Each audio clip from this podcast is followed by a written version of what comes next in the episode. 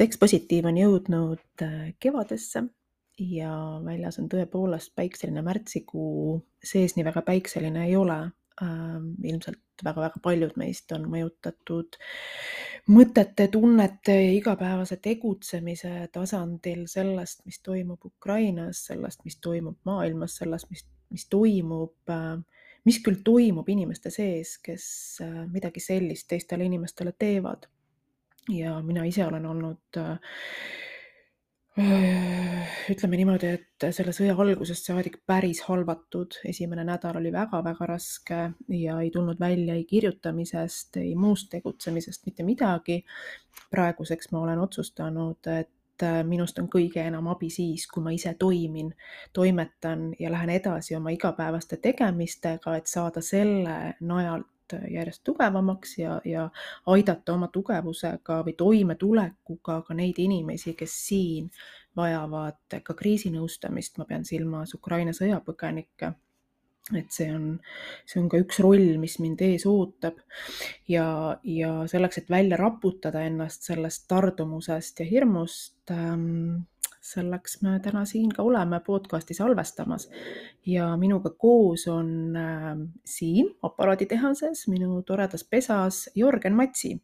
Ja Jörgen räägib iseendast kohe pikemalt aga lühitutvustuseks nii palju, et Jörgen on spordipsühholoog, mis on Eestis selline suhteliselt haruldane või väga haruldane tiitel. lisaks on Jörgen ka coach äh, ettevõttes nimega Pipedrive ja Jörgen on asutanud ka sellise spordiklubi äh, või õigemini spordiklubi nimega Võimla. ja tundub, et see on võimlemisklubi, aga päris võimlemisklubi see ei ole. Võimla näol on tegemist äh, spordiklubiga, kus harrastavad peamiselt täiskasvanud, aga mitte ainult, ka noored, teismelised, äh, võitlussporti ja Brazilian Jiu-Jitsu ja MMA, no võtke ette ja guugeldage, mis need, mis need Ähm, spordialad endast kujutavad. kuna ma olen natukene otsapidi kick-poksinguga tegelev küll väga-väga algajana, siis, ähm, siis ma ise veidi kursis olen, mis need on, millega Jörgen ähm, tegelenud on ja millega ta tegeleb ja mille jaoks ta selle spordiklubi on ellu kutsunud, aga mitte sellest spordiklubist ei taha ma pikalt rääkida vaid ähm, sellest veidikene, millest me täna Jörgeniga räägime.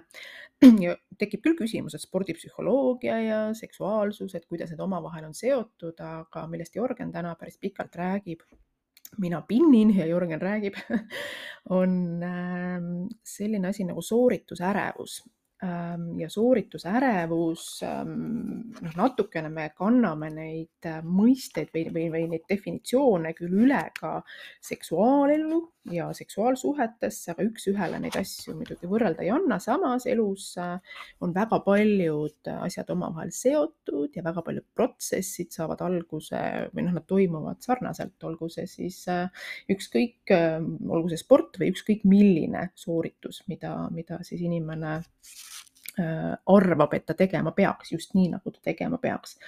ja soorituspsühholoogias siis äh, Jörgen ähm, lähtub äh, neid teemasid käsitledes siin, millest me täna räägime, ehk siis ähm, kes tahab, saab ka ise guugeldada, otsida sooritusärevuse või performance anxiety kohta.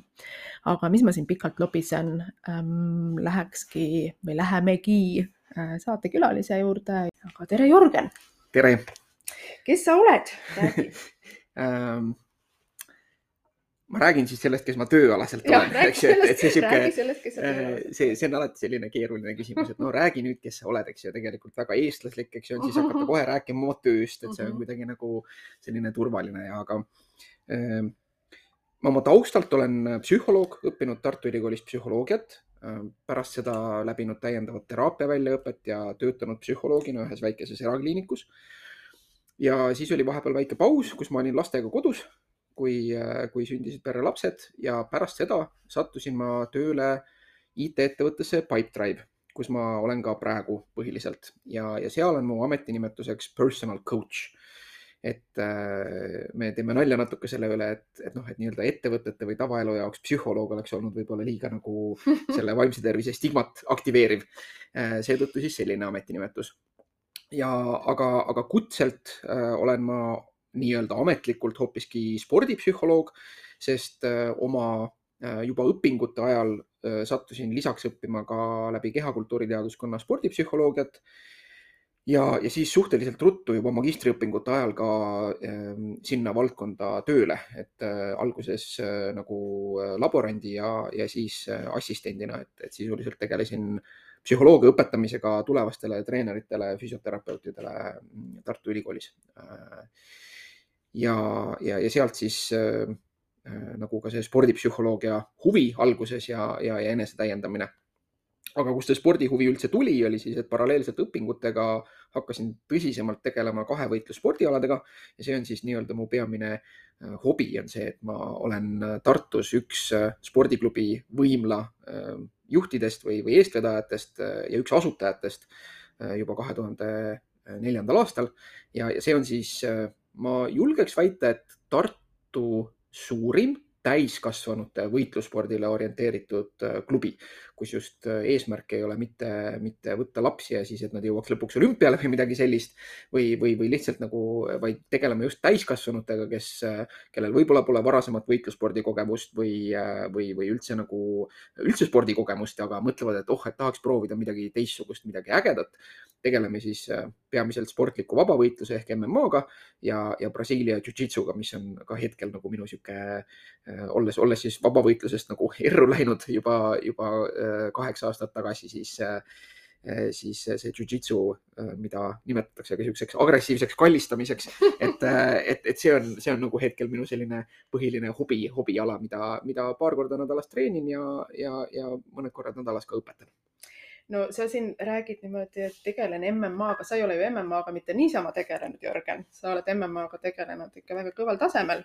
Mm.. kuhu sa oma tasemega jõudsid? no see, see tase tollest ajast on nagu suhteline asi, et äh, ma võiks ju öelda, et äh, oma kaalus ma mingi oma noh, see on siis kaalukategooriatega võistlusspordiala, eks ju, et oma kaalus ma olin kindlasti mingi perioodi Eestist kõige parem. Äh,. aga noh, sinna tasuks lisada see, et ka üsna ainus, kes tasemel sellega tegeles, et, et et, et seda tuleb võtta nagu niisuguse terakese soolaga, et, et jah, ma võin öelda, et ma olin Eestis üks selle spordiala nagu pioneeridest, osa siis sellest väiksest grupist, kes hakkas sellega nagu pusima mm, -hmm. alustas, õpetas, lõime mingisuguse süsteemi, et teised saaks õppida ja, ja jõudsin siis ka nii-öelda profireeglite järgi võistlemiseni aga, aga see Eesti skeene oli väike, seetõttu ka vastased olid alati toodud välismaalt mm. -hmm noh, nagu kui ma nagu enda ego kuidagi paitada tahan, siis hüpoteetiliselt võiks öelda, et no ma võib-olla mingil hetkel olin Euroopas top kümnele lähedal, aga, aga see on, see on jällegi, et see spordiala on, ütleme, viimase kümne aasta jooksul teinud nagu nii tohutu kiire arengu läbi, et, et, et see tegelikult nüüd kümne aasta tagusest ajast öelda, et, et Euroopas selle kehakaalu nagu top kümme, top kakskümmend, see nagu väga midagi tegelikult ei ütle. et, et seda on nagu hästi-hästi raske kuidagi tänapäevasesse konteksti paitada ja paigutada ja ma ei taha jätta nagu, jätta nagu muljet, et ma oleks kuidagi olnud nagu kõvem tegija, kui ma tegelikult olin.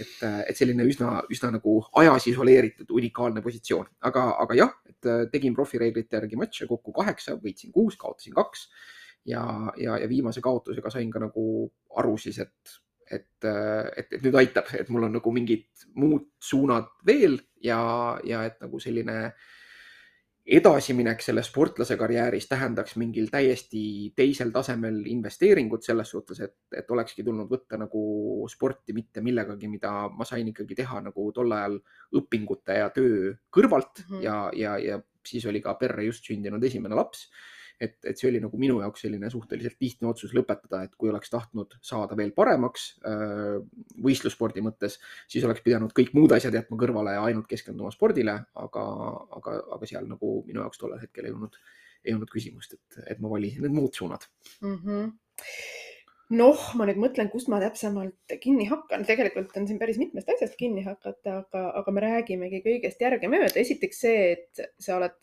sul on kolm last sa oled olnud iga lapsega ise kodus äh,? meil oli. või noh nagu,, ise kodus nii-öelda no,. selles mõttes, et tehniliselt võttes olin ma esimese kahe lapsega ise vanemapuhkusel ja kolmanda lapsega oli abikaasa ja, ja mina olin sellel ajal töötu.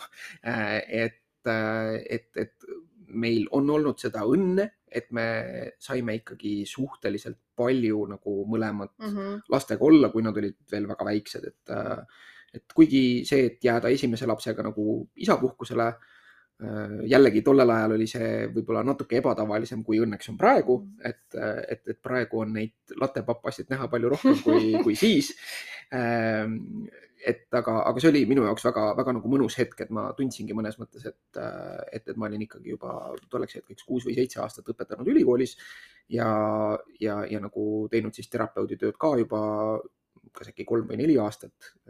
ja, ja siis oligi nagu hästi sihuke loogiline hetk oli võtta see paus äh, minu jaoks ja, ja samas nagu abikaasa, tema just oli lõpetanud kooli ja kibeledes tööle, et see oli mm -hmm. nagu hästi-hästi mhm. nagu, hästi nagu loogiline ja, ja, ja mõnus, aga ähm, aga sellest, äh, kui, kui keegi sellest ajast rohkem tahab kuulda, siis siiamaani päris äh, hinnatud artikkel on Müürilehes, mille ma kunagi kirjutasin, mida, mida isadus minu jaoks tähendas ja tegi, et kui mm, -hmm kui, kui guugeldada minu nime ja Müürileht, siis see peaks, siis see peaks välja tulema, et, et seal ma olen kirjutanud ka nendest raskustest, mis, mis olid seoses kahe lapsega nagu kodus olemisega.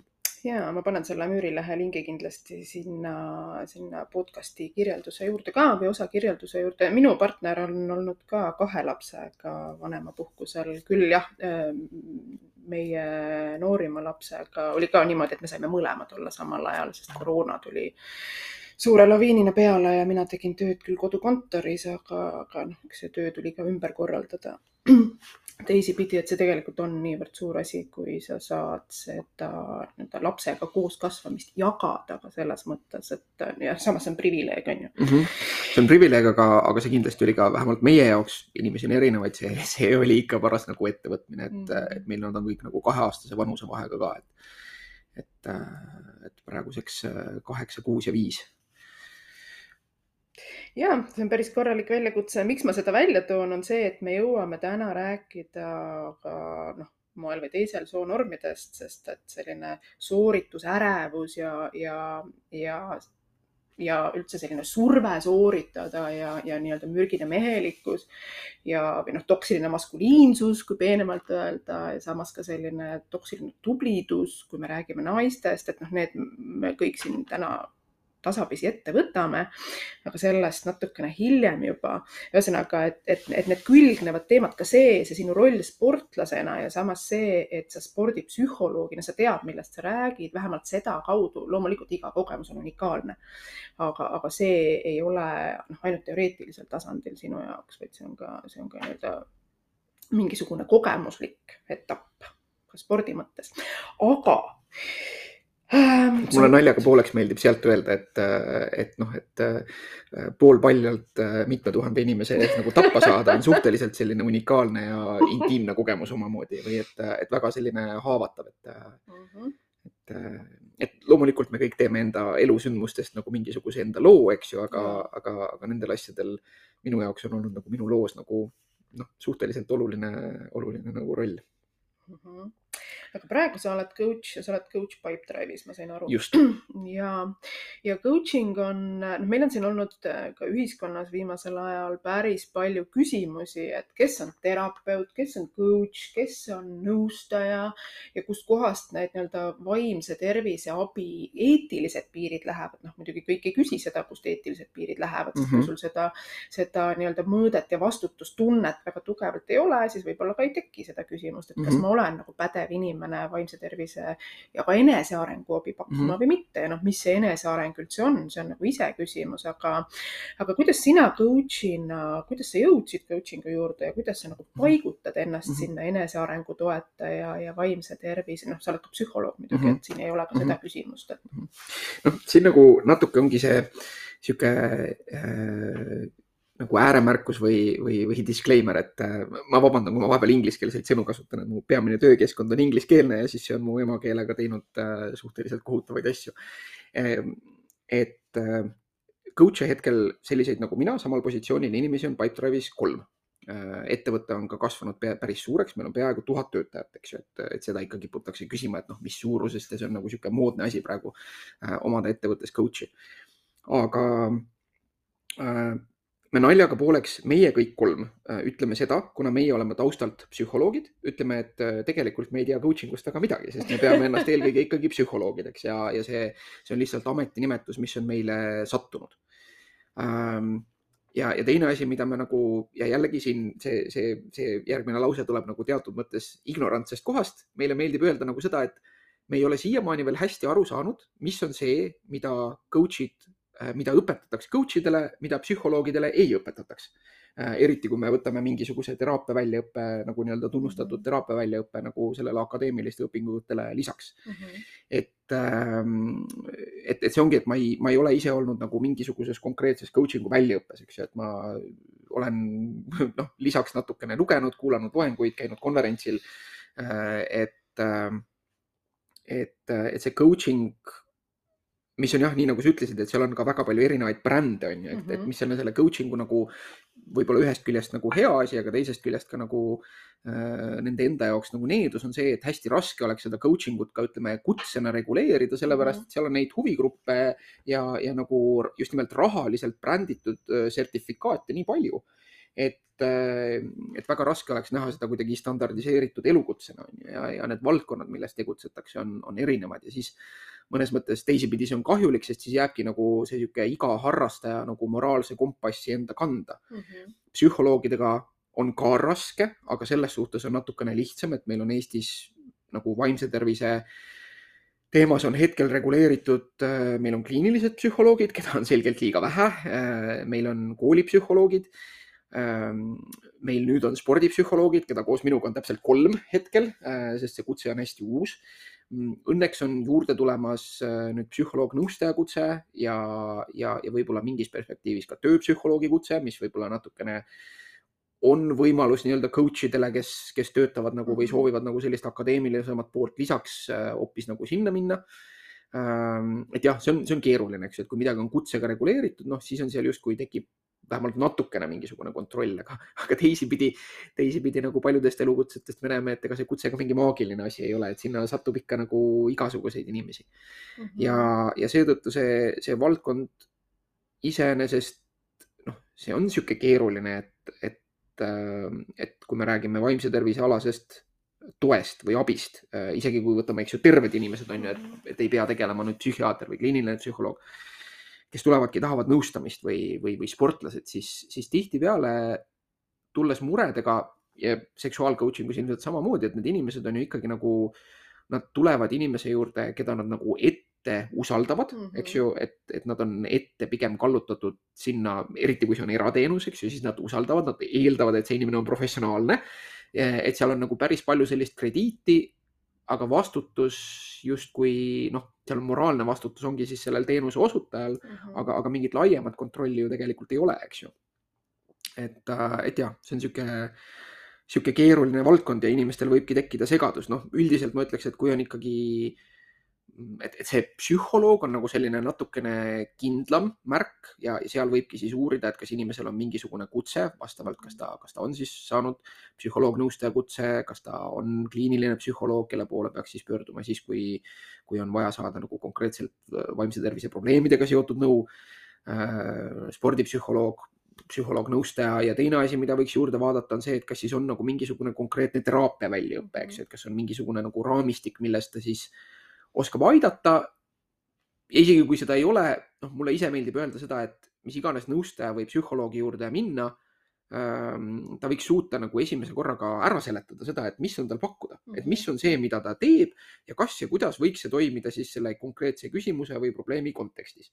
et see on niisugune hea nagu, hea nagu äh, lakmuspaber ja, ja kui ta seda ühe korraga ei suuda, noh, siis, siis võib-olla tasuks proovida kedagi teist mm. -hmm. ja see on hea, hea märksõna, et kas ja see on minu meelest üks väga suur ka sellise jälle moraalikompassi küsimus, et, et äh, kui nõustaja, ükskõik, on ta siis äh, psühholoog, on ta coach, äh, on ta terapeut, ähm, noh, enamasti ikkagi tekib see küsimus, ma arvan, et seal kus ei ole tegemist äh, konkreetselt siis kutse või noh, psühholoogi kutsega inimesega, aga võib-olla mm -hmm. ma teen liiga, on see, et, äh, et on ebaeetiline tegelikult äh, klienti nii-öelda kinni hoida mm -hmm. või, või mitte panna näppu sinna peale, kas ma üldse saan sulle midagi pakkuda mm, -hmm. vaid hakata vaatama siis, et mm, -hmm, et siin on mingisugused asjad, millest kinni hakata, see ei pruugi alati olla pahatahtlik.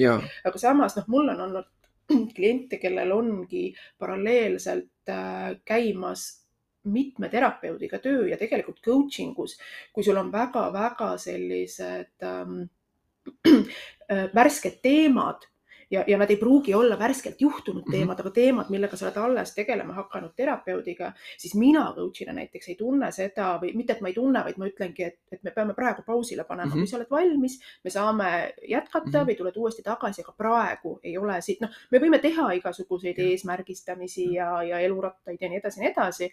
noh, kuigi mina otseselt mingit eluratast sellisena ei kasuta, et sex coaching vähemalt see väljaõpe, kus, kus nagu mina olen praegu ootamas oma sertifikaati, et seal on, äh, ongi väga nii-öelda seksoloogia keskne mm -hmm. lähenemine. aga, aga see, et sa nii-öelda hoiad klienti kinni ja vaatad, äh, kompad, ületad ka oma piire, noh, see, see on juba väga-väga ebaeetiline. jah, äh, noh, see, see, mis sa just ütlesid või, või kuidas sa nagu seda pausile panekut kirjeldasid, see on kindlasti väga-väga tervislik ja, ja seda mulle endale meeldib äh, öelda seda ja, ja, ja tihti, kui me nagu, kui ma töö juures nagu töö kontekstis alustan coaching ut, siis ma ju tihti soovitan nagu äh, mingitel juhtudel ka otsida abi majast väljaspoolt mm. -hmm. ja, ja ka majasiseselt mulle meeldib alati öelda nagu seda, et äh, ma ütlen sedasama asja, eks ju, et, et ma võtan eesmärgiks, et ma suudan esimese korraga ära seletada seda, et kas meil, kas meil on nagu mingit koostööpinda, kas mul on midagi sulle pakkuda, kas sellest on sulle kasu. Ja, ja, ja teine aspekt Äh, ja see on nüüd nagu sihuke äh, noh, oma hea ja veaga, et see on sihuke hall ala, et paratamatult iga äh, nagu coach, terapeut, nõustaja, et isiksus on ka töövahend, eks ju. isiksus on töövahend ja igaühele ei sobi, et mulle meeldib ise öelda niiviisi vaimse tervise teemast üldiselt, et noh, et kui te, kui te mõtlete, et võiks konsulteerida psühhiaatriga, mida ma ütlen, et võiks ka terved inimesed võib-olla aeg-ajalt uh, -huh. äh, siis psühhiaater on arst, otsige arst, kes tundub teile kõige parem, eks ju, mis on see, et noh, vaatan mingisugust kvalifikatsiooni, vaatan, kuhu ma selle vastuvõtuaja saan, eks ju. see on väga sihuke kibe nali, aga noh, et, et võib-olla tihti tulebki võtta see, kuhu saab Eestis praegu vaimse tervise teemas.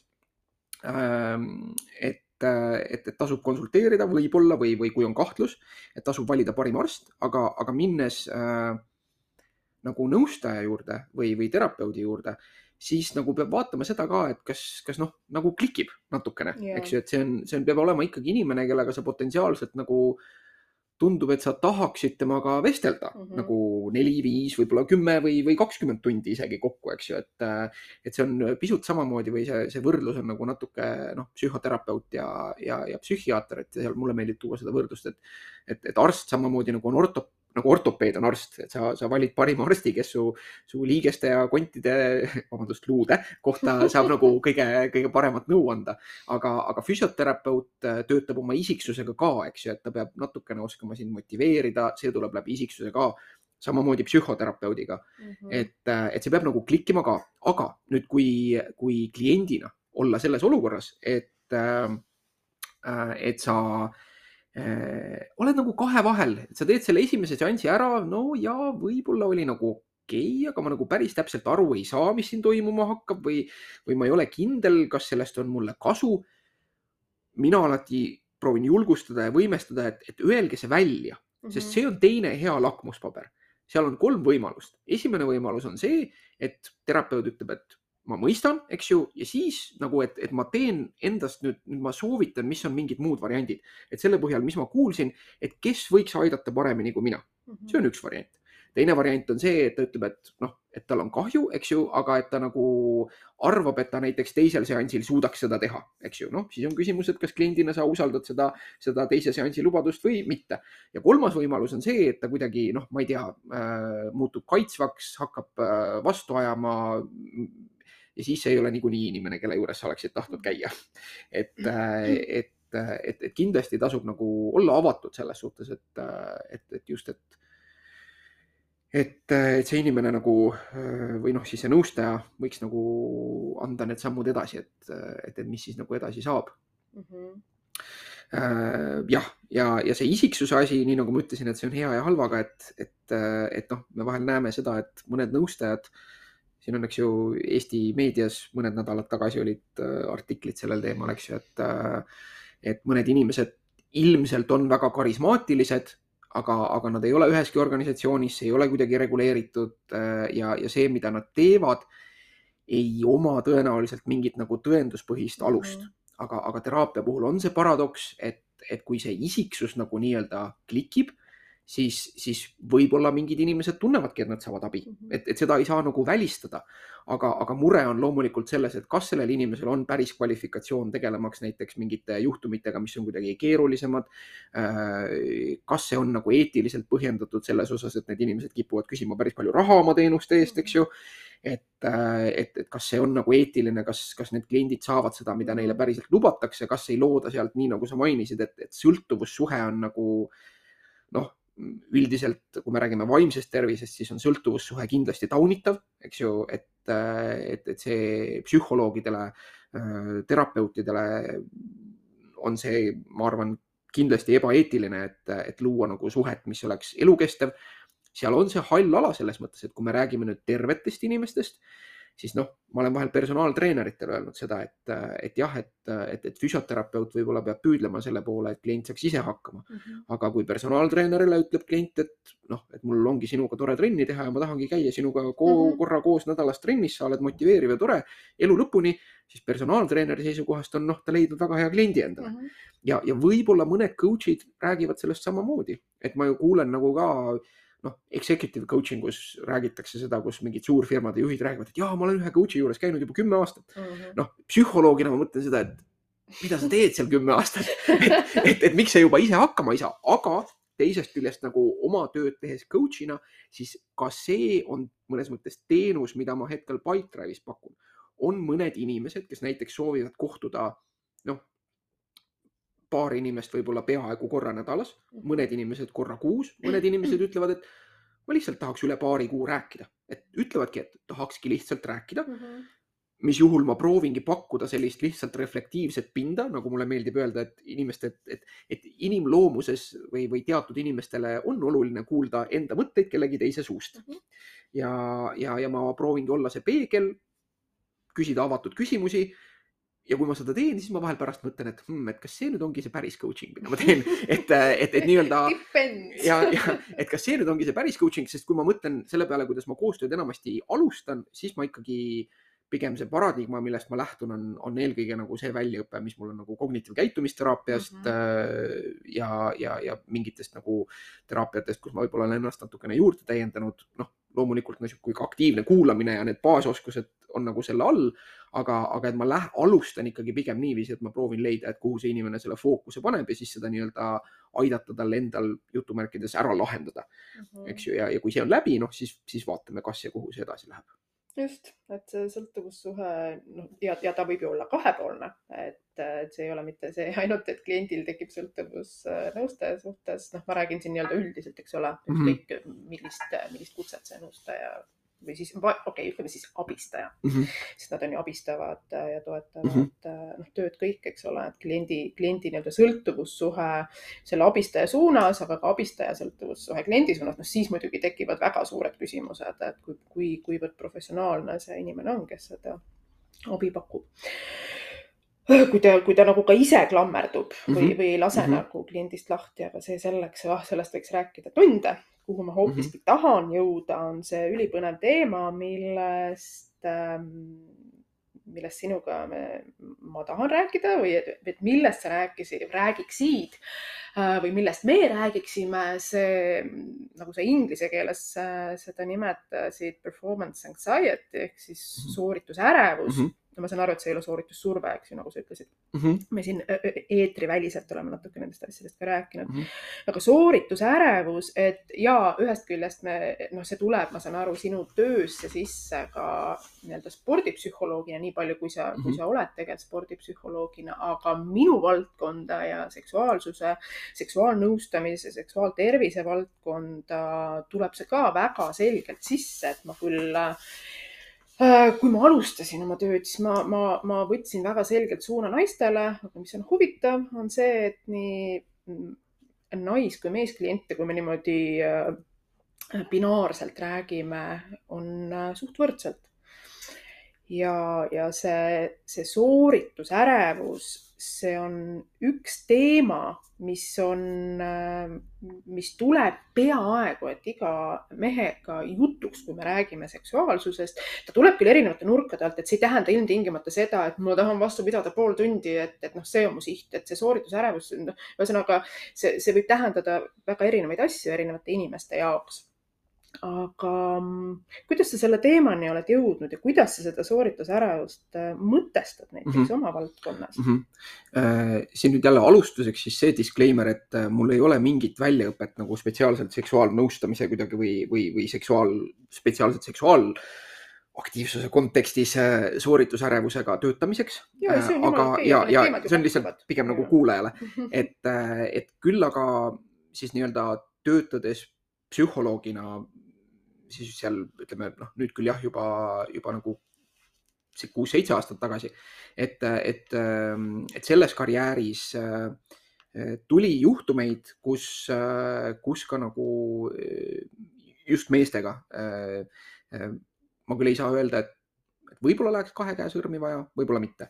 et, et nagu sellest, kus, kus see oli nagu teemaks, kas äh, vahel siis mõne teise vaimse tervise probleemiga koos ähm,, aga, aga paaril juhul ka, ka nii-öelda isolatsioonis, kus siis tuldi, tuldi nõustamisse nende teemadega ja, ja seal oli või noh, see, kuidas mina olen nagu näinud üldiselt selle kohta, on see, et selline soorituspsühholoogia laiemalt mille osaks siis saab nagu sellist võistlusspordi psühholoogiat pidada, ähm, on suhteliselt ühesugune, et seal öeldakse isegi niiviisi, et et see, see, see sooritus, mida tajutakse kriitilisena, et pole nagu nii-öelda sellest nõustamise mõttes või, või, või see, millele tähelepanu pöörata ja seega, kuidas inimeses need psühholoogilised protsessid töötavad, ei ole väga suurt vahet, kas me räägime noh, sooritusest olümpiamängudel või on see näiteks muusikul, interpreedil, eks ju, kuskil konkursil või esinemisel või, või, või on see äh, noh, näiteks Äh, politseinikul või, või, äh, või kaitseväelasel äh, mingisuguses kriitilises situatsioonis või on see,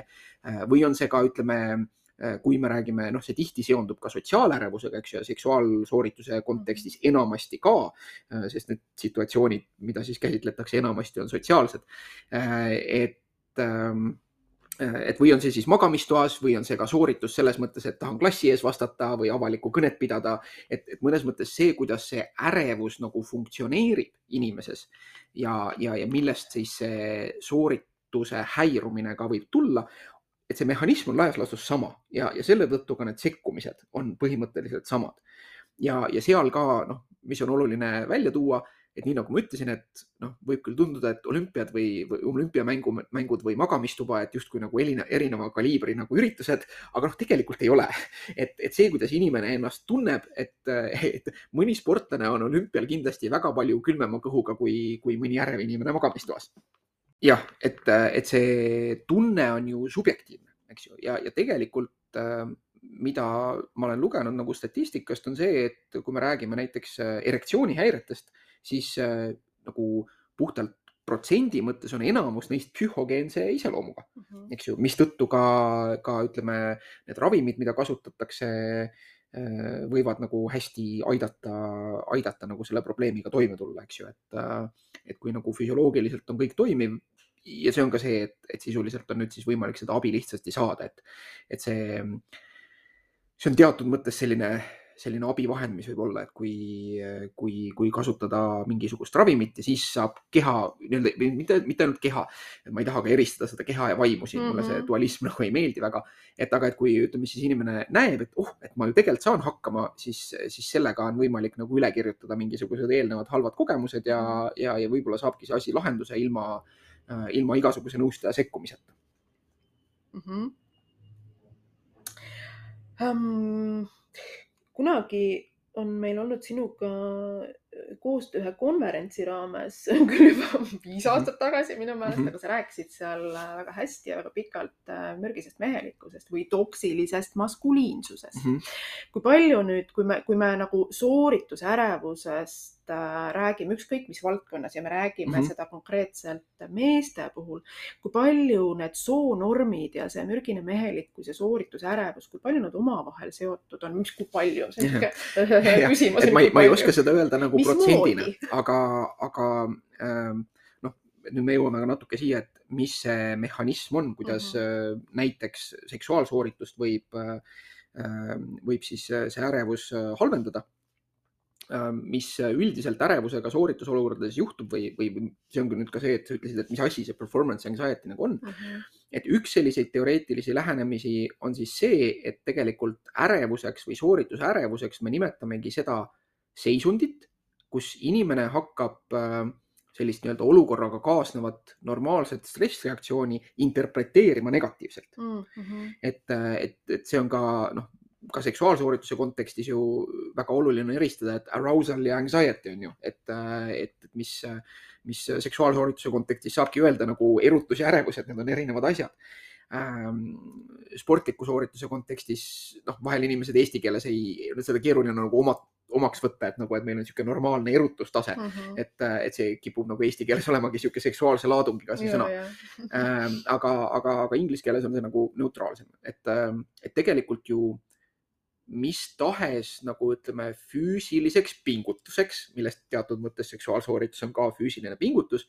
et selleks, et, et seda saaks nagu hästi teha, on vaja nagu sellist ähm, noh, delikaatset tasakaalu või, või nagu jõuda sellesse tasakaalutsooni, mis on lõdvestuse ja, ja erutuse või pinge vahel, eks ju, et või et need mõlemad on nagu vajalikud, on ju närvisüsteemi tasandil, eks ju, et on vajalik nii sümpaatilise kui parasümpaatilise närvisüsteemi aktivatsioon oh,. et, et ma ei tea nüüd, kui, kui keeruliseks, kui keeruliseks siin kuulajatele ma võin minna, et noh, et kui, kui nagu proovida seda lihtsaks teha, et siis saab eristada, et äh, autonoomsel närvisüsteemil ehk siis sellel osal meie närvisüsteemist, mis ei ole meie tahtelise kontrolli all mhm. otseselt, noh, kõik, mis tegeleb hingamise ja vererõhu ja südametööga, eks ju, mis on väga hea, et me ei pea kogu aeg mõtlema, et süda nüüd löö ja kopsud nüüd hingake.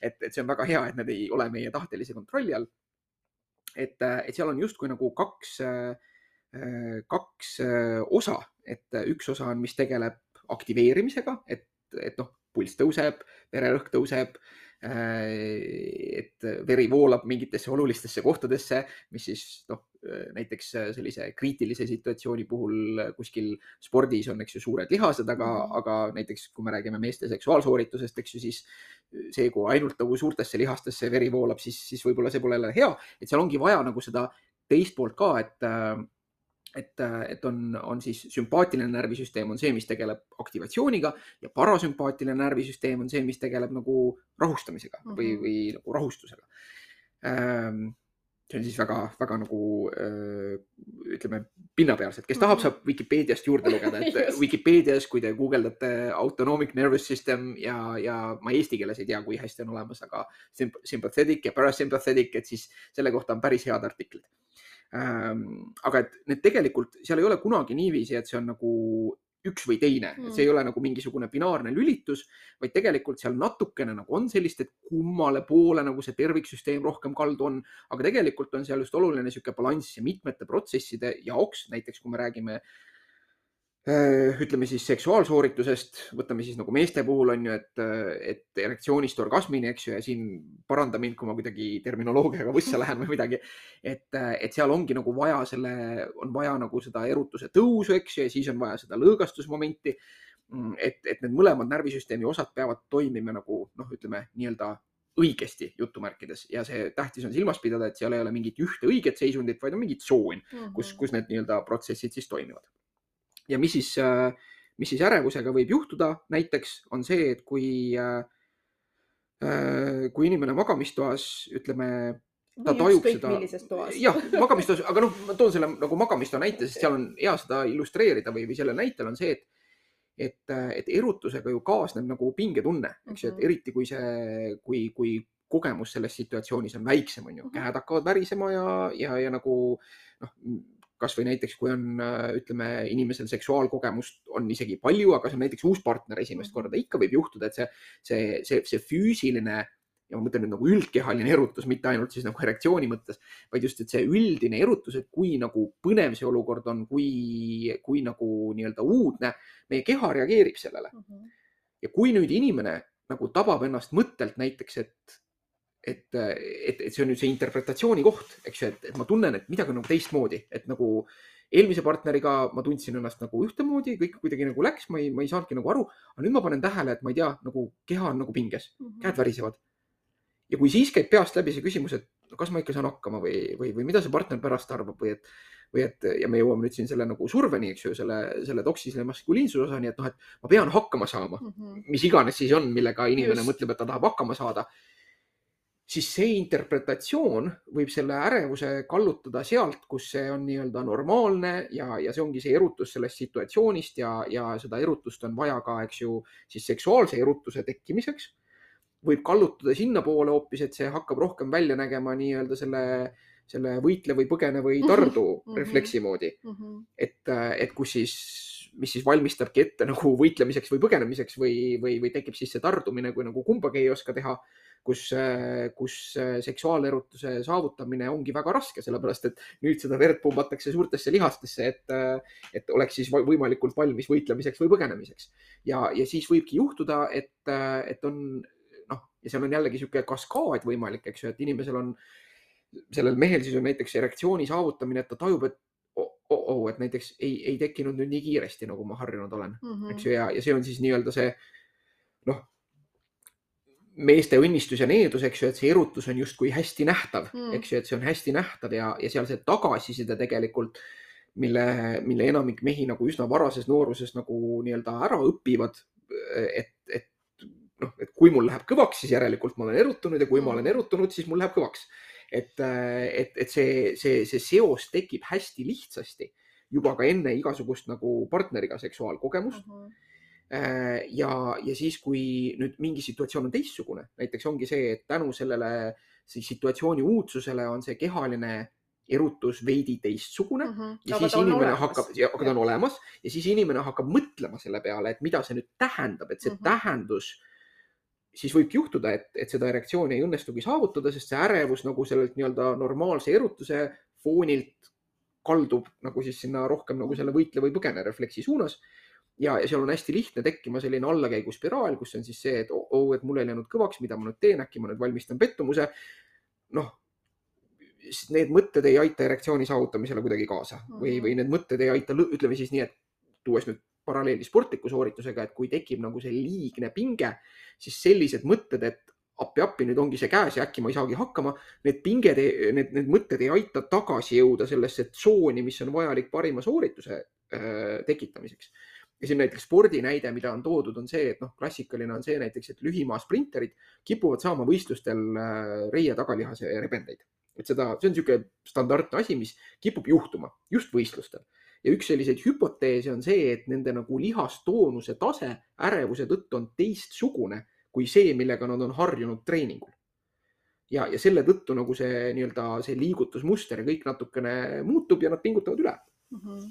Selles mõttes, et siis tekibki, et lihas on liiga pinges ja, ja, ja võib tekkida vigastus mm. -hmm. et, et noh, siin nüüd jõuda siis sekkumise juurde, et võtame selle spordi näite, et, et, et seal on äh, nagu kaks suunda, et üks võimalus on äh, proovida leida viise, kuidas siis selles kriitilisest sooritusolukorrast ennast hoida selles enda jaoks õiges äh, erutus, kaldkriips, ärevustsoonis. Ja, ja teine võimalus ja mis on vähemalt äh, sama oluline, ma nüüd ei tea, kui hästi seda seksuaalsoorituse paralleeli saab tuua, aga, aga harjutada kõrgema ärevusega. et äh, et, et, et ma nüüd äh, noh, spordi kontekstis tähendaks see näiteks seda, et, et kui on treening siis, äh, siis treeninguid teha mõnikord võistlustele sarnaselt, et me ei tee nagu sellist pikka soojendust nagu alati, vaid me teemegi mingi lühema soojenduse, siis võib-olla passime niisama ja siis, siis noh, ütleme rääkides sprinterist, et siis terve trenn võib-olla seisnebki sellest, et ta jooksebki see sada meetrit ühe korra eks ju, ja, ja võib-olla veel treener nagu laseb makist nagu rahva, rahva heli ja, ja, ja, mul tekivad need väga. et, et, et ma, ma saan aru, ma, ma saan aru, eks ju, kuidas noh, ütleme, kui me mõtleme nüüd seksuaalsoorituse peale, mis võiks olla see paralleel on see, et Äh, et, et tõenäoliselt on lihtsalt, äh, mis on oluline, on see, et kui on võimalik saada partneriga läbi aja mugavamaks, mhm. eks ju, et, et, et mistõttu jällegi, et mõeldes mingist olukorrast, et see on nüüd see üks ja ainukordne, see on minu ainus võimalus, kus mm -hmm. ma mhm. pean ennast tõestama mm, -hmm. tavaliselt ei aita väga hästi kaasa. eks ju, et aga, aga, aga kui on võimalik nagu normaliseerida seda või, või kasvõi näiteks noh, ma ei tea, et, et mõelda, mõelda näiteks partneriga eelnevalt tegevusplaan läbi, eks ju, et, et, et tegelikult noh, mida, mida ka ütleme, tulles selle toksilise maskuliinsuse juurde on ju, et, et mis on nagu see mure jälle on see, et, et erektsioon on nagu kultuuriliselt erektsioon on nagu selline ja, ja võime erektsiooni saavutada ja et see on ju selline nagu mehelikkuse tunnus. tahtsingi just sinna jõuda. et, et, et noh, tasub mõelda selle peale, et kui on nüüd äh, olukord jõudnud seksuaalsoorituseni, et äh, ja, ja inimene, ütleme siis mees kardab seda, et äh, ta langeb kuidagi häbisse, ütleme mm, -hmm. mis on niisugune sotsiaalselt vahendatud emotsioon, siis noh, ma ei tea, et kas, kas see partner, kes tõesti nüüd näpuga näitab ja naerma hakkab, et -hmm. et kas see oleks see inimene, kellega sa tegelikult -hmm. tahaksid nendes situatsioonides olla või, või vähemalt korduvalt, eks ju, et oletame, et kui see ongi mingi, mingi juhusuhe või siis noh, hea küll, et, et et ei, ei olnud siis võib-olla kõige, kõige parem valik nagu selleks juhusuhte partneriks ka. et ähm.... ja, ja vahel on hoopiski see, noh, mida ma ka oma klientide puhul täheldanud, see, et partner ei näita näpuga ja ei naera, vaid mina ise enda sisimas just, näitan enda peale just. näpuga ja naeran ja seesama asi, mida sa ütlesid, erektsioon, noh, ma isegi sõnastaksin selle niimoodi, et mehelikkus ei võrdu erektsioon ja erektsioon ei võrdu mehelikkus. no, noh, seda, seda on lihtne öelda, eks ju mm -hmm. ja mis ka coaching us, noh, mida ma seksuaal coaching us siis või seks coaching us väga palju teen, on see seksuaalharidus mm -hmm. ja tegelemine nende soonormidega ja ka sellega just nimelt, et mida erektsioon sinu jaoks üldse tähendab, et me mm -hmm. läheme nagu mitu sammu mhm. tagasi mm, -hmm. et mida üldse erektsioon tähendab, aga seda, et ma olen erutunud ja tegelikult see on nii meeste kui naiste puhul tuleb päris palju töötada sellega mida tähendab äh, olla erutunud ja kui erinevalt see võib väljenduda, et mida ka naiste puhul on öeldud, et kui tal tupp ei ole märg, järelikult ta ei ole erutunud, ei vasta üldse tõele, see võib olla nii, see võib olla naa ja ka mhm. mees võib olla nagu täiesti mhm. erutunud hetkest sees, ta tahabki selle partneriga väga koos olla, aga kõik need asjad, millest sa mm -hmm. siin rääkisid, noh mm -hmm. hakkab lihtsalt siia sisse häkkima mm -hmm. moel või teisel. ja, ja siis nagu teisipidi, eks ju, see, see noh, see teine, see sooritus, sihuke nii-öelda jutumärkides probleem või, või see, millest mehed endale suure probleemi teevad, on siis see nagu soorituse kestus, eks ju, et mm, -hmm. et, et mida, mida nüüd mees oma peas nagu kvalifitseerib siis enneaegseks eakulatsiooniks, eks ju, et, et mis on väga noh, erinev on ju, et, et, et mõni ütleb, noh, kirub tõenäoliselt ennast peale kümmet minutit väga head mm. sooritust et, et, et aga, aga mõne jaoks on, eks ju, see, see hoopis nagu minut on ju või, ja, ja küsimus on täpselt, et mida nüüd nõustajad saavad teha, on see, et äh, üks, üks olulisemaid kohti sekkumiseks ka eneseabi mõttes, kui keegi praegu seda kuulab ja mõtleb, et no ja, et mul on ka nagu arenguruumi kuidagi selles soorituse ärevuse valdkonnas, on see, et üks esimesi asju, mida saab teha, on proovida teadlikuks saada enda nendest tõlgendustest mm, -hmm. täpselt, et, mis hinnangu ma sellele olukorrale annan selles hetkes. ja siis hakata nagu mõtlema, et kas mul on võimalik neid tõlgendusi natuke nagu mudida mm, -hmm. eks ju. Mhm. Neid ei saa enamasti kohe välja vahetada, et see, et aa, et, et okei okay,, et äh, ma, ma arvasin, et kui mul nüüd kõvaks ei lähe, et siis ma olen nagu möku ma nüüd arvan, et äh, kui mul kõvaks ei lähe, et siis see on tegelikult okei okay.. noh, päris niiviisi see ei tööta, et ma saan vahetada ühe mõtte teise vastu.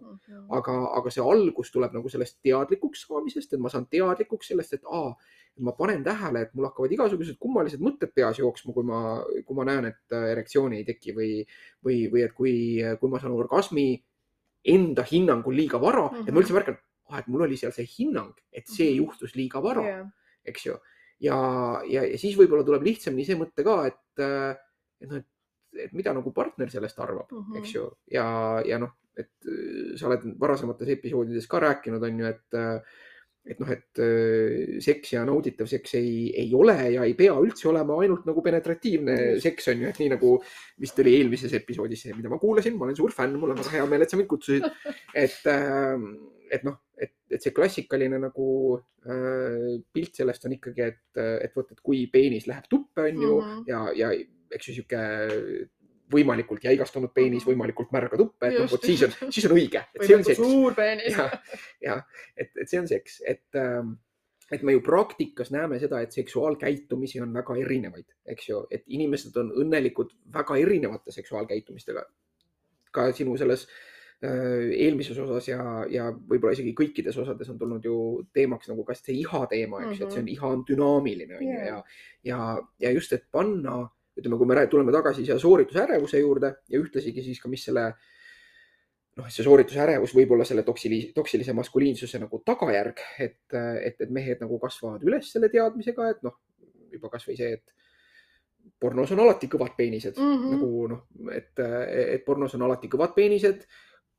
Paratamatult äh, ikkagi ka ütleme, selline tavameedia ja kultuur ju propageerib seda, et noh, et, et, et kui, kui sa nais-, kui sa, kui sa ütleme, võtame siis isegi laiemalt, et kui sa meeldid Äh, enda jaoks äh, atraktiivsele sugupoolele, et kui sa mhm. nendele inimestele meeldid, siis sa oled nagu tegija, see on mm -hmm. hea. Mhm. eks ju, noh, stereotüüpselt siis, et kui sa oled mees, keda naised tahavad, siis sa oled äge mees mm. -hmm.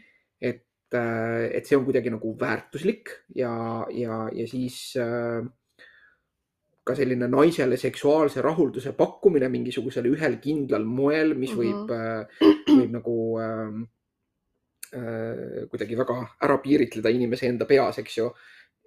kõik see hakkab mängima rolli selles sooritusärevuses, kust on väga lihtne see negatiivse interpretatsiooni nagu negatiivsete tõlgenduste nagu spiraal tekkima ja, ja, ja see ei aita kuidagi kaasa sellele ideaalsele sooritusele, mis või noh, see ei aita kaasa selle saavutamisele või mm -hmm et, et kui ikkagi õnnestub avastada seda, et aa, et mul on mingi tõlgendus, et äkki, äkki ma tulin liiga vara, noh siis äh, mõistlik mõte sealt oleks see, et hmm, et ma nagu, et, et peaks nagu partneriga rääkima võib-olla mm, -hmm. eks ju, et äh, et, et mida tema sellest olukorrast arvab, et kas, kas, kas noh, kas ta tõesti oleks tahtnud rohkem, okei okay,, isegi kui ta on aus ja ütleb, et jaa, et mulle oleks meeldinud nagu kümme minutit rohkem, mis iganes siis see tegevus täpselt oli.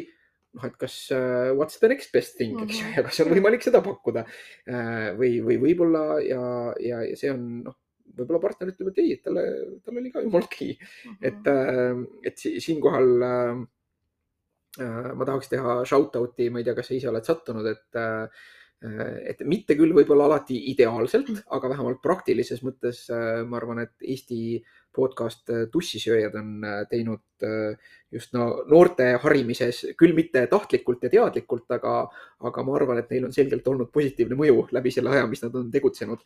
ma olen ühte oma teist ja kuulanud. et, et, et läbi nad ikkagi oma kuulajakirjades ja nad on avanenud, avanud erinevaid perspektiive mm -hmm. ja, ja, ja noh, ma ütlen, et see, mida nad teevad, ei ole äh, ei ole professionaalne, aga, aga kindlasti on sellel oma positiivne mõju. et, et et jah, et, et nad on, nad on nagu vahvad ja, ja kuna nende see reach on suur, siis mm, -hmm. siis, siis on neil nagu positiivne mõju, ma loodan. no nagu sa ka ütlesid enne, et isiksus on töövahend, eks isiksus on sellistel puhkudel ka töövahend ja, ja kui ta, kui tal on noh, ütleme siis niimoodi, et kui seda on tehtud veidikesegi vastutustundega ja, ja samas see on hariv ja, ja on toeks, siis jumala eest, see ja. professionaalsus siinjuures ei, ei olegi mingisugune reegel number üks, kui inimesed ise ei väida, et nad on ja. professionaalid, on ju. aga ähm, kommunikatsioon, see on, see käib läbi nagu nii palju mm -hmm. ja mhm. nii tihti ja nii sageli ja tundub, et see on nagu, see on elementaarne ja samas me jõuame, ma jõuan ka ise oma töös aga mitte ainult mina, vaid ka väga paljud nõustajad, kes tegelevad suhetega, seksuaalsusega, siis on ta noh, erinevad teised, ma ei tea, mured, mis suhtega seoses on. kommunikatsioon ähm, kuu aega tagasi käisin vist äh, Naked Love'i podcast'is ja seal me rääkisime pikemalt ihast ja noh, sellest, et noh, nagu sa ka ise ütlesid, iha ei ole dünaamiline ja, ja see ei ole mingi muutumatu asi ja, ja see on täiesti normaalne, et ta on on siis nii-öelda muutuva, muutuv ja et ta on dünaamiline, aga et inimesed ei räägi sellest omavahel. Ja samas vahetevahel on, on äh, kuidas ma siis ütlen, vaja klientidele selgitada ka seda, et kui te ei suuda rääkida sellest, mida me nädalavahetusel teeme või sellest äh,, noh, ma ei tea, millised on meie puhkuseplaanid või mida me hommikusöögiks sööme, ilma et seal oleks mingi hull pinge kaasas, siis on väga palju iseendalt oodata, et nüüd seksuaalsusesse puutuvad vestlused on need, mis meil kuidagi nagu lihtsamalt välja tulevad, et, et see kommunikatsioon või suhtlemine üldse partnerite vahel, ta tegelikult ju, ju ongi A ja O ja mhm. samas noh, see on kuidagi nii, nii kummaline, eks ole, seesama, samane sooritusärevus, noh, millest sa räägid ja see, et mees arvab, noh, jälle, kui me räägime binaarselt, on ju, et, et kui äh, et, et erektsioon võrdub mehelikkus ja, ja kui ma sooritan, siis ma olen mehelik ja samas noh, see on ka see mürgine mehelikkus mm -hmm. siinjuures ja samas naiste puhul jälle binaarselt rääkides see nii-öelda toksiline tublidus või see, et, et ma naisena noh, et, et mult ju oodatakse, ma ju pean hakkama saama ja, ja, ja noh, ma ju pean suutma väljendada seda teist ja kolmandat ühtlasi ka orgasmi selleks, et minu partner, kui me räägime siis nii-öelda seksuaalsuhetest, mis on naiste ja meeste vahel et, et minu, esiteks sellepärast, et minu partner ei tunneks ennast halvasti või kehvasti, miks naised orgasmi teesklevad, mitte ainult mhm. sellepärast muidugi. Nad on ka kirjutanud ja rääkinud, et äh, tahan, et see juba läbi oleks ja nii edasi, nii edasi, aga jälle see suhtlemise teema mm -hmm. on ju. et räägi ja suhtle oma partneriga, aga seda on nagu nii mhm. keeruline teha ja samas mõlemad elavadki mingisuguses äh, stereotüüpide mullis, vaikimise mm -hmm. mullis ja jälle ähm, oodata, et naine saab orgasmi ainult penetratiivsest seksist, esiteks paneb surve naistele, teiseks paneb surve meestele ja, ja lõpptulemus äh, nagu väga sageli ei, ei olegi selline, nagu oodatakse, sellepärast et ja. väga suur osa naistest vajabki kliitori stimulatsiooni, erinevat stimulatsiooni, mitte ainult tupeseksi. mis sa selle kommunikatsiooni kohta ütled veel? see on nagu, see on üks asi, millest millest ma nagu viimastel aastatel olen kuidagi ise mõelnud, on see, et ta on hästi paradoksaalne, see, kuidas äh, noh, ütleme, äh, nimetame siis nagu lääne kultuur üldiselt. Ja, ja, ja, ja siin on veel paradoks see, et eks ju, et, äh, et ameeriklased peavad eurooplasi liberaalseteks kuidagi ja hästi avatuteks seksuaalteemadel, eks ju, et see, see mõnes mõttes, et võib-olla Ameerikas, noh, mul on endal nagu vähe kokkupuudet, aga see näib olevat nagu veel hullem mm. -hmm. aga, aga minu meelest ikkagi, ikkagi Euroopa ka, et on nagu, ühesõnaga see paradoks on nagu see, et ühest küljest on ühiskond nagu täiesti noh, et see seks on nagu mõnes mõttes kinnisidee mm, -hmm. eks ju, et seda on kõikjal, on ju, selles mõttes seda on, seda on kultuuris, muusikas, nüüd isegi nagu noh, nagu avalikumalt, eks ju, noh, või on kogu aeg olnud, on ju juba seitsme, noh, võib-olla sealt mm -hmm. ütleme siis nagu kuuekümnendate sellest seksuaalrevolutsioonist saadik, eks ju, et seda on nagu kõikjal. aga teisest küljest on see samamoodi nagu hästi tabu mm -hmm. ja, ja alastus on tabu ja, ja noh, nagu et, et see sihuke, et seal on kuidagi nagu sihuke, see on hästi nagu kummaliselt paradoksaalne minu arust nagu ühiskonnas ja ma ei, ma ei oskagi sellest, see on nagu sihuke mu sihuke N võrdub üks nagu jälgija kogemus on ju, et, et mulle, mulle tundub niiviisi.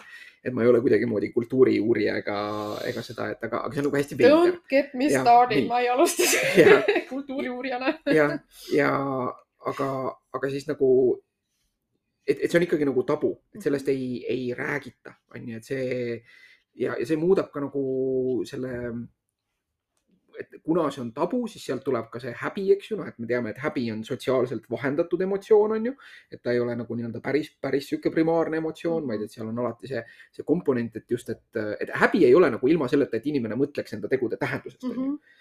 Et, äh, et, et tulebki see nagu häbi, et ma ei, ma ei julge rääkida või ja, ja, ja see toksiline maskuliinsus, mida on siiamaani nagu nii palju on seda et ma näen nagu kuskil sotsiaalmeedias vahel, et justkui tehakse jutumärkides nalja, et noh, et kui me räägime ka eksplitsiitsest nõusolekust, on ju, mis võiks olla ka nagu kommunikatsiooni osa, on ju -huh. või et see, et rääkimata siis sellest, et me hakkame rääkima seda, et kellele mis täpselt meeldib uh, -huh. siis et oi, et see võtab ju kogu spontaansuse uh -huh. ära ja kuidas saavad äh, mehed tunda ennast nagu mehed ja naised nagu naised, kui me kuidagi instrumentaliseerime selle seksi ära viitena justkui sellele, et see, see, see kommunikatsioon on see, mis selle seksi instrumentaliseeriks ja, ja muidu on see kuidagi hästi maagiliselt spontaanne mis on võib-olla see imidž, mida siis propageerib, noh, kasvõi näiteks filmid on ju mm -hmm., kus on, kui me räägime tava mingitest põnevus või romantilistest filmidest. uksed lendavad lahti. kõik nagu juhtub, eks ju, ja siis on noh, pärast, eks ju, noh, vanasti oli see, et suitsetati voodis sigaretti, onju, mis oli see seitsmekümnendatel veel, onju.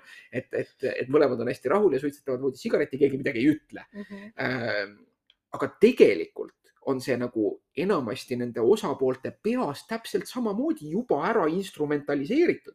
See ei ole mitte see, et, et oh, ma olen nüüd nii spontaanne, vaid et, vaid et tihtipeale ja kui me räägime meestest, siis, siis seal ükskõik, kas on siis see standard on nagu pornost või see on tekkinud sõpradega rääkides või seal on mingisugune või, või kasvõi eelmisest kogemusest, et see on ka see, et eelmine partner käitus niiviisi, on ju, ja ja, ja, ja tegelikult on peas see instrumentaliseeritus täpselt samamoodi olemas on see, et noh, ma ei, ma ei tee siin nalja, aga ütleme, ma ei ole teinud uuringut, aga see vahel tundub küll niiviisi meestega rääkides, et oo oh,, et tegelikult on ikkagi see, et noh, nagu, et, et see on, on, on, eks ju, et jah, et seal on eelmäng, on ju, mm, suudlen kaela, siis suudlen suulegi nagu äh, paitan juukseid, noh, et see on nagu niiviisi, et siis on kuskil seal on mingi suuseksi koht, eks ju. et, et tegelikult see on niikuinii juba peas ära instrumentaliseeritud. spontaansusele tegelikult on seal üsna vähe ruumi selles mm -hmm. mõttes eks ju, et miks mitte siis sellest rääkida? Ja võib-olla läbi kommunikatsiooni, läbi selle, et aa, oo, oo, et sina hoopis tahad nagu sellist asja või tahad nagu niiviisi. see on spontaanne, mitte, mitte ei ole see see, et, et seal nüüd nagu kuidagi tekib mingisugune skript, mis on hästi spontaanne, et inimesed võiks ise natukene selle peale mõelda, et, et kas see spontaansus, millest nad räägivad, on ikka tegelikult päriselt spontaansus või on nagu see, et nad järgivad oma peas mingit skripti, mis jällegi, kui tekib mingi kõrvalekalle sellest skriptist paneb mõtlema selle tähenduse peale kuskilt teisest perspektiivist ja see võib olla negatiivne ja seda ja, ja noh, ütleme seksuaalsoorituse puhul me ei räägi ainult sellest, et spordis, kui me räägime võistlusspordist, siis seal on väga selge, on ju, tahetakse teha mingi kindel tulemus. -huh. Äh, seksuaalsoorituse puhul see kindlale tulemusele orienteeritus võib olla hoopiski halb. Äh, sest esiteks see suurendab ärevuse tekkimise tõenäosust uh. -huh ja teiseks samamoodi, et see tegelikult vähendab seda spontaansust, et asjad peavad juhtuma mingil kindlal viisil ja kõrvalekalle, nüüd kui see kindel skript on peas, kõrvalekalle on nähtud kui midagi halba. eks, et jah oh,, nüüd ma siis, et, et, et hea on see, et kui on, kui on see ootus, et, et, et, et jah, et ma pean saama teha nüüd penetratiivset seksi vähemalt kolmkümmend viis ja pool minutit, siis on hästi.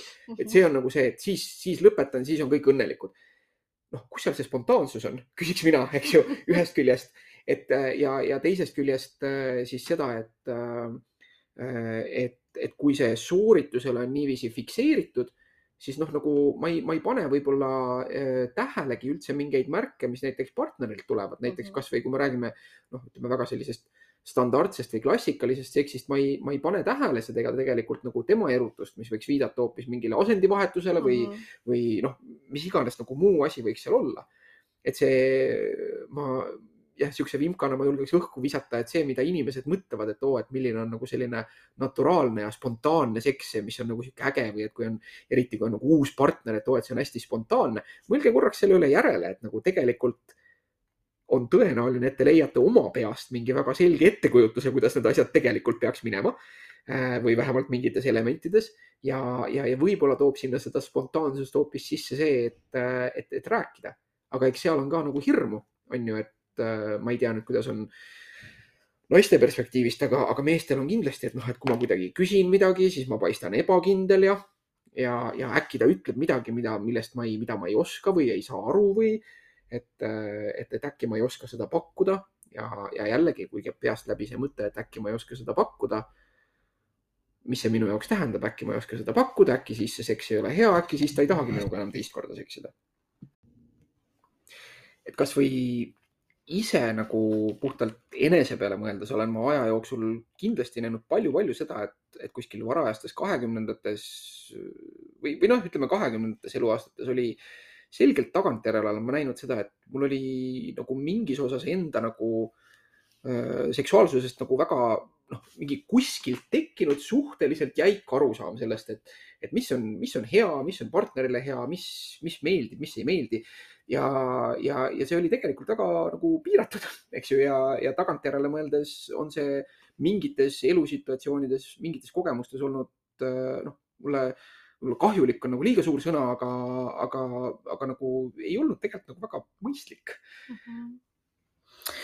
no see, see, see kokkuvõte, kuhu sa spontaansusega ja samas skriptide võrdlemisega jõudsid, see on minu meelest nagu nii kuld mm mitte et, et meil tänane episood siin kulda täis ei oleks, aga see on üks väga-väga kandev mõte, mis tegelikult võibki olla inimese jaoks väga oluline, mitte nüüd kohene mingisugune paradigma muutus, aga, aga sellised tasapisi nii-öelda sisse söödetud mõtted, või ka see, et, et küsida endalt, kas on nii või ei ole, ega me ju näeme ka avalikkuses ja me näeme meedias väga palju neid sõnumeid, mis ütlevad, et naised peaks nii ja mehed peaks naa ja mehed tahavad seda ja naised tahavad seda, seda ja mehed tahavad suhkamit ja võileiba, siis nad on õnnelikud ja nii edasi, nii edasi.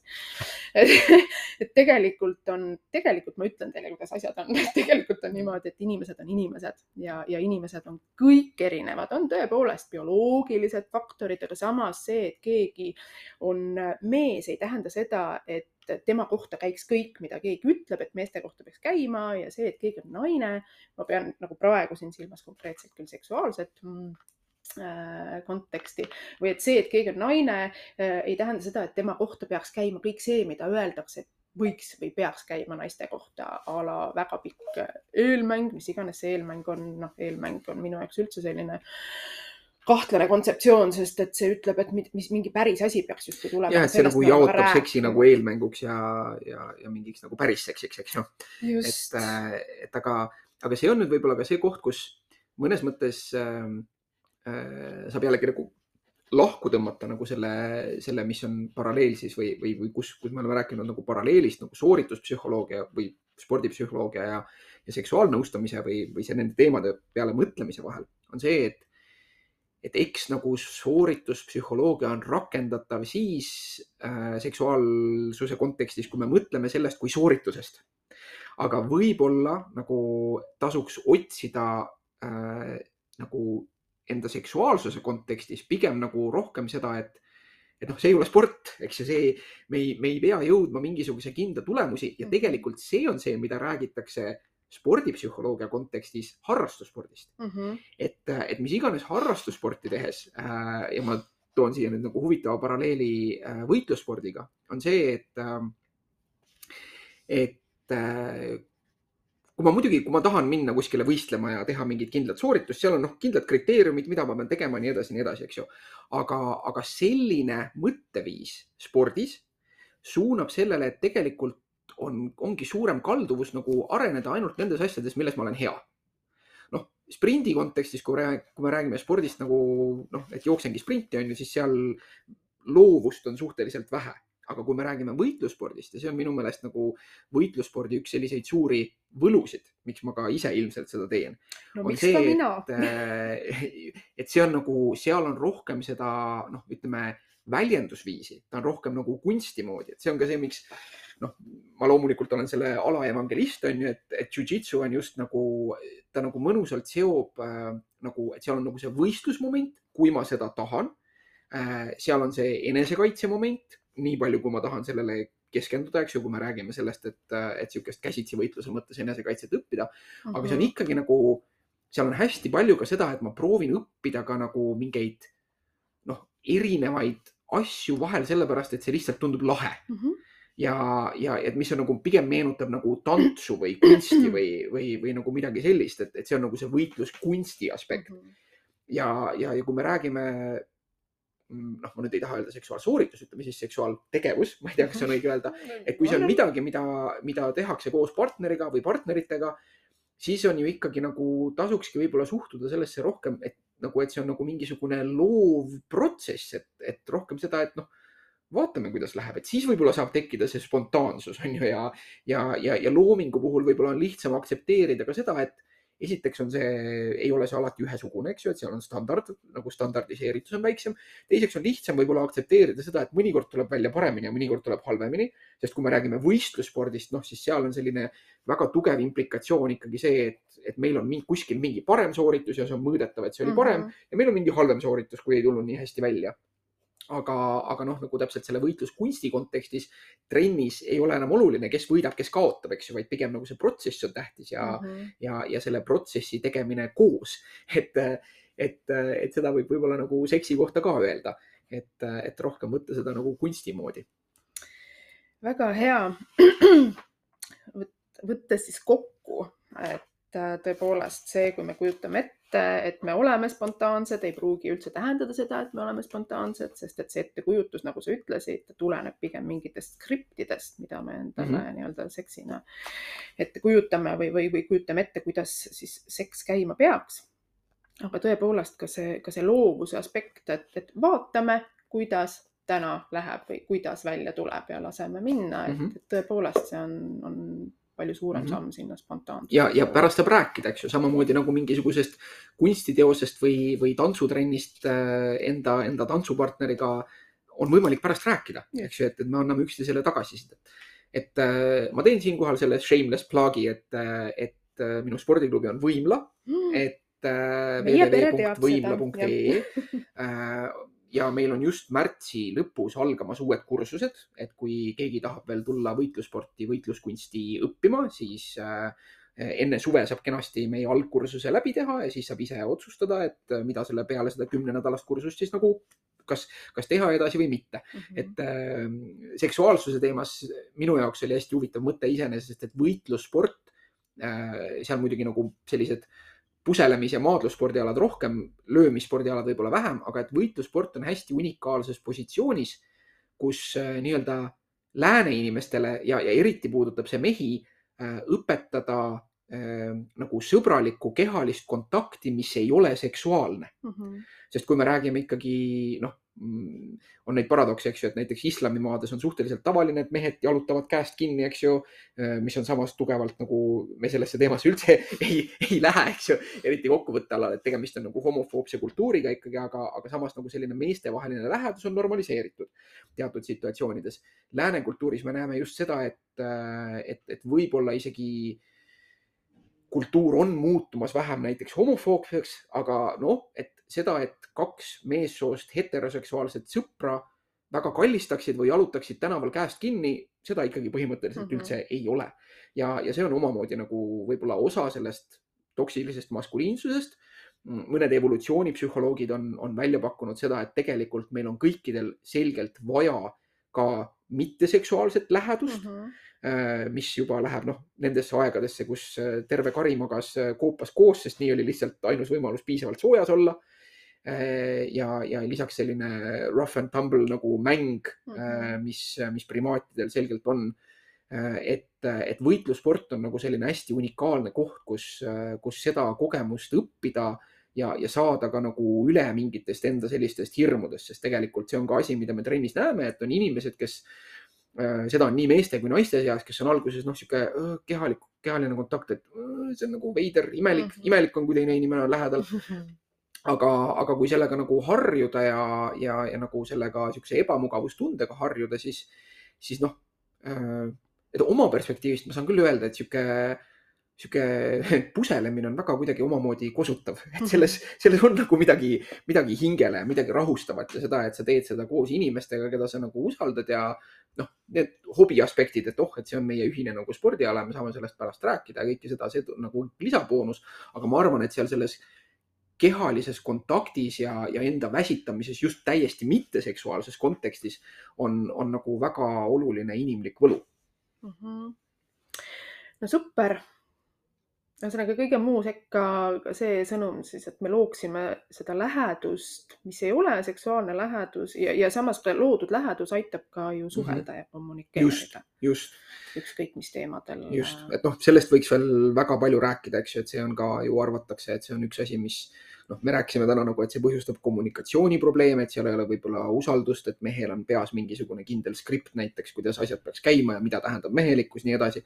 aga tegelikult ka on ju mõned uurijad on arvanud, et, et see, see tegelikult nagu lääne kultuuris see, kus selle läheduse allikaks ongi ainult oma püsipartner või kui seda püsipartnerit ei ole, siis nagu seda lähedust justkui ei olegi meestel, äh, on omakorda see, mis, mis viib nagu mõnede väga äh, väga mürgiste tegevuste ja käitumisteni nii paarisuhetes kui ka, kui ka nagu nii-öelda üksikute meeste kultuuri puhul. -hmm. me räägime siis iitselitest või? jah, aga, aga sellest, sellest, me võiks, sellest me võiks rääkida veel terve tunni ilmselt, et, et las tänaseks siis aitab. väga super, aga üsna pea kuuleme siis Jörgenit jälle rääkimas intselite teemal, väga, väga tore, teemad tekivad üksteise järel, aga aitäh sulle, Jörgen, absoluutselt äh, mõnus oli sinuga vestelda Samad ja, sõnad. ja väga valgustav. Ja viskan nii Võimla kui ka Jörgeni ähm, Müürilehe artikli lingid siis ähm, ka sinnasamasse ähm, podcasti episoodi. kes, kes lihtsalt mingil põhjusel minu vastu huvi tunneb, siis ma olen äh, sotsiaalmeedias üsna avalik, et äh, leiate mind, äh, mind igalt poolt. aga aitäh, avalik mees Jürgen Matsi, järgmiste kohtumisteni. kohtumisteni